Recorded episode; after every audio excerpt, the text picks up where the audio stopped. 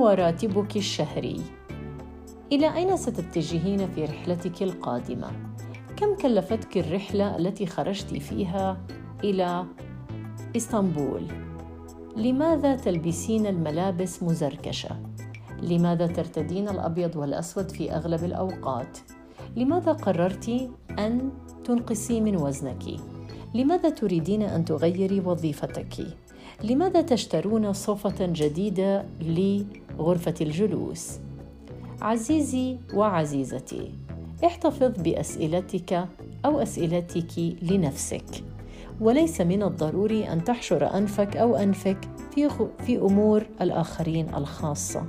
فإن هذا الأمر مدعاه للنفور بصورة لا يمكن أن يتصورها البشر أحيانا نقوم بطرح الأسئلة دون أن نعتقد بأن ذلك الأمر سيزعج الآخرين.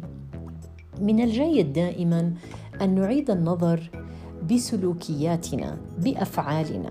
أحيانا نعتقد أن بعض سلوكياتنا هي سلوكيات طبيعية ولكنها تحتاج إلى التقويم. دائما تذكر لا تتدخل بشؤون الآخرين. صباح الخير.